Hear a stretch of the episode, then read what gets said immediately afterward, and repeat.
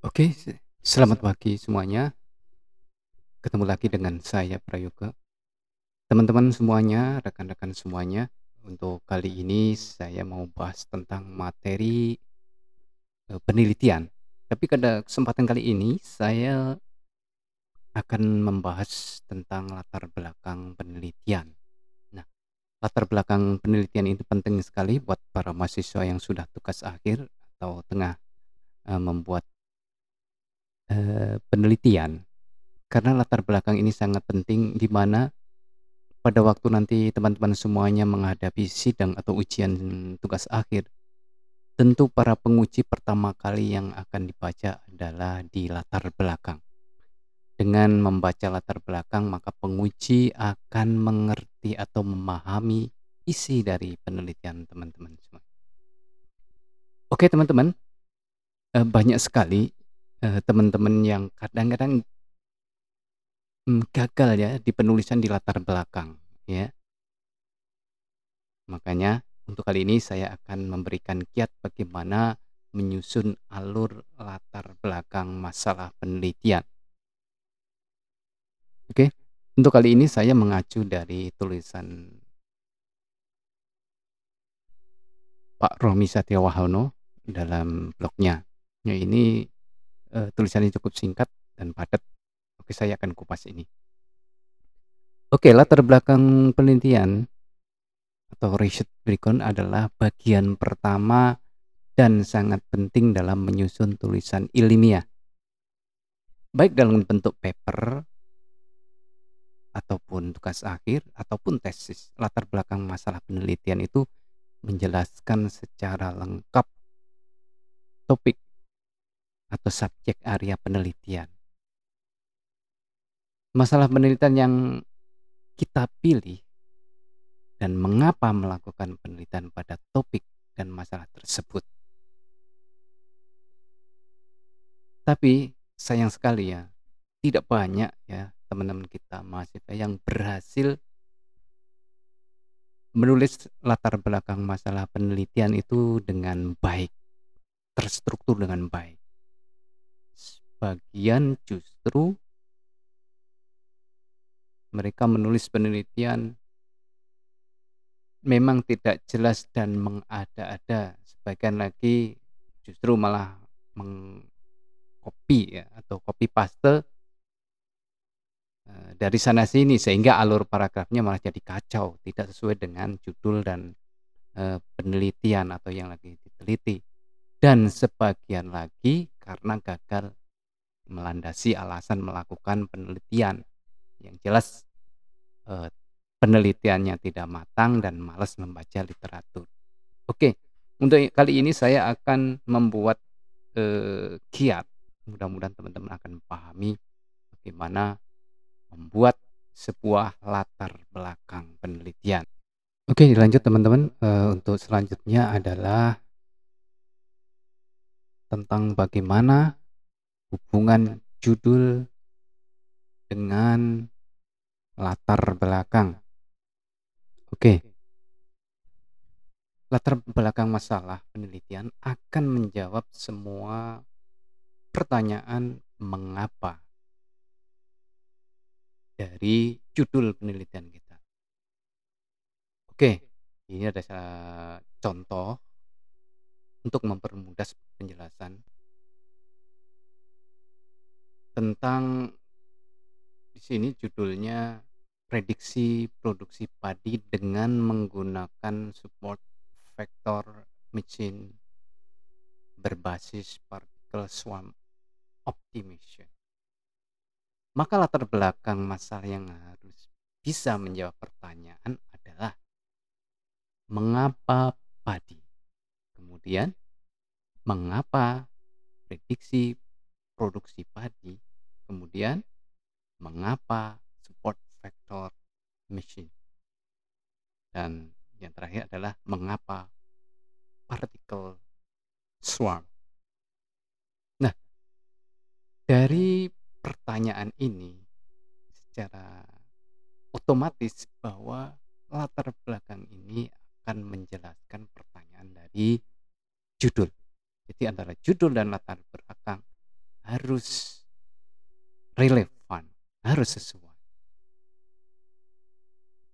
Oke. Lalu bagaimana sih cara menguraikan jawaban dari pertanyaan yang tadi, yang ada 4?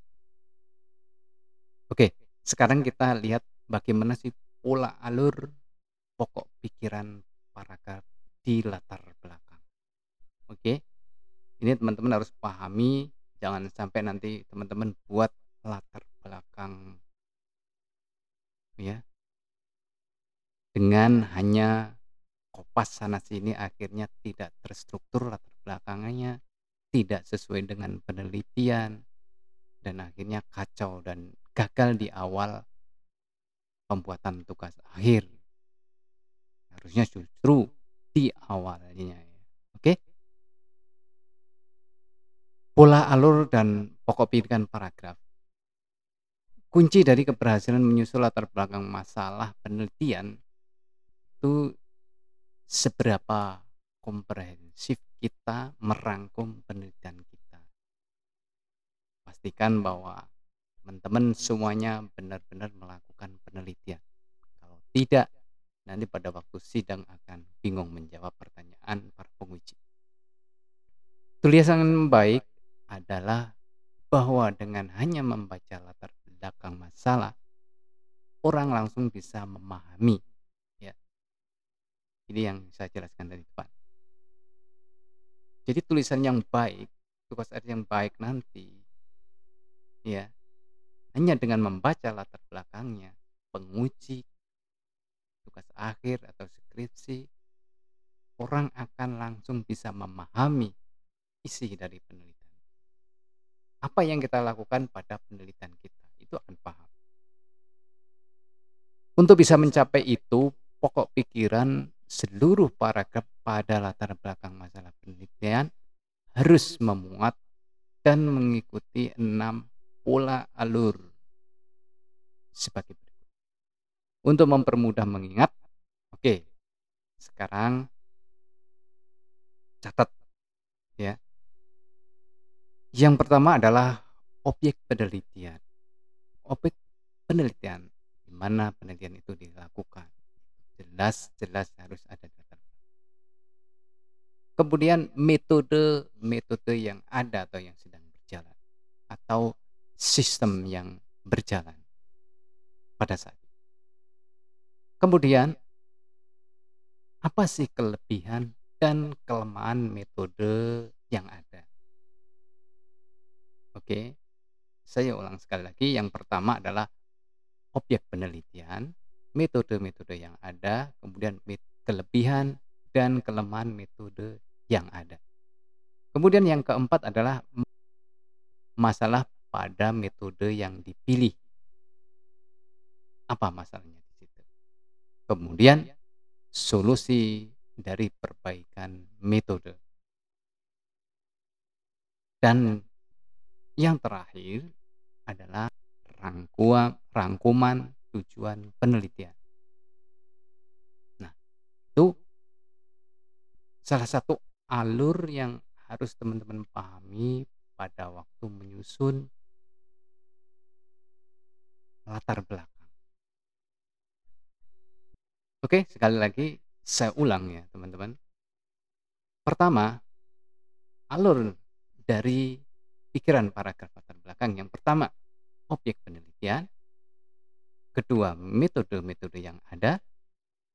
Kemudian kelebihan dan kelemahan metode yang ada. Keempat, masalah pada metode yang dipilih. Kelima, solusi perbaikan metode. Dan keempat, rangkuman dari tujuan metode penelitian.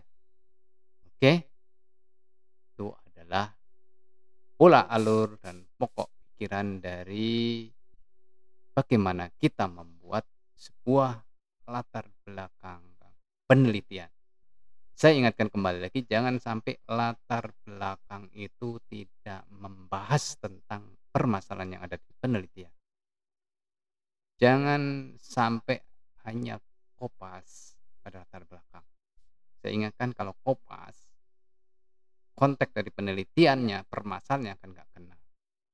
Dan ingat dilihat di judulnya. Oke, itu adalah, eee, pola alur dari bagaimana kita menyusun latar belakang penelitian. Oke, terima kasih dan sampai ketemu di materi berikut.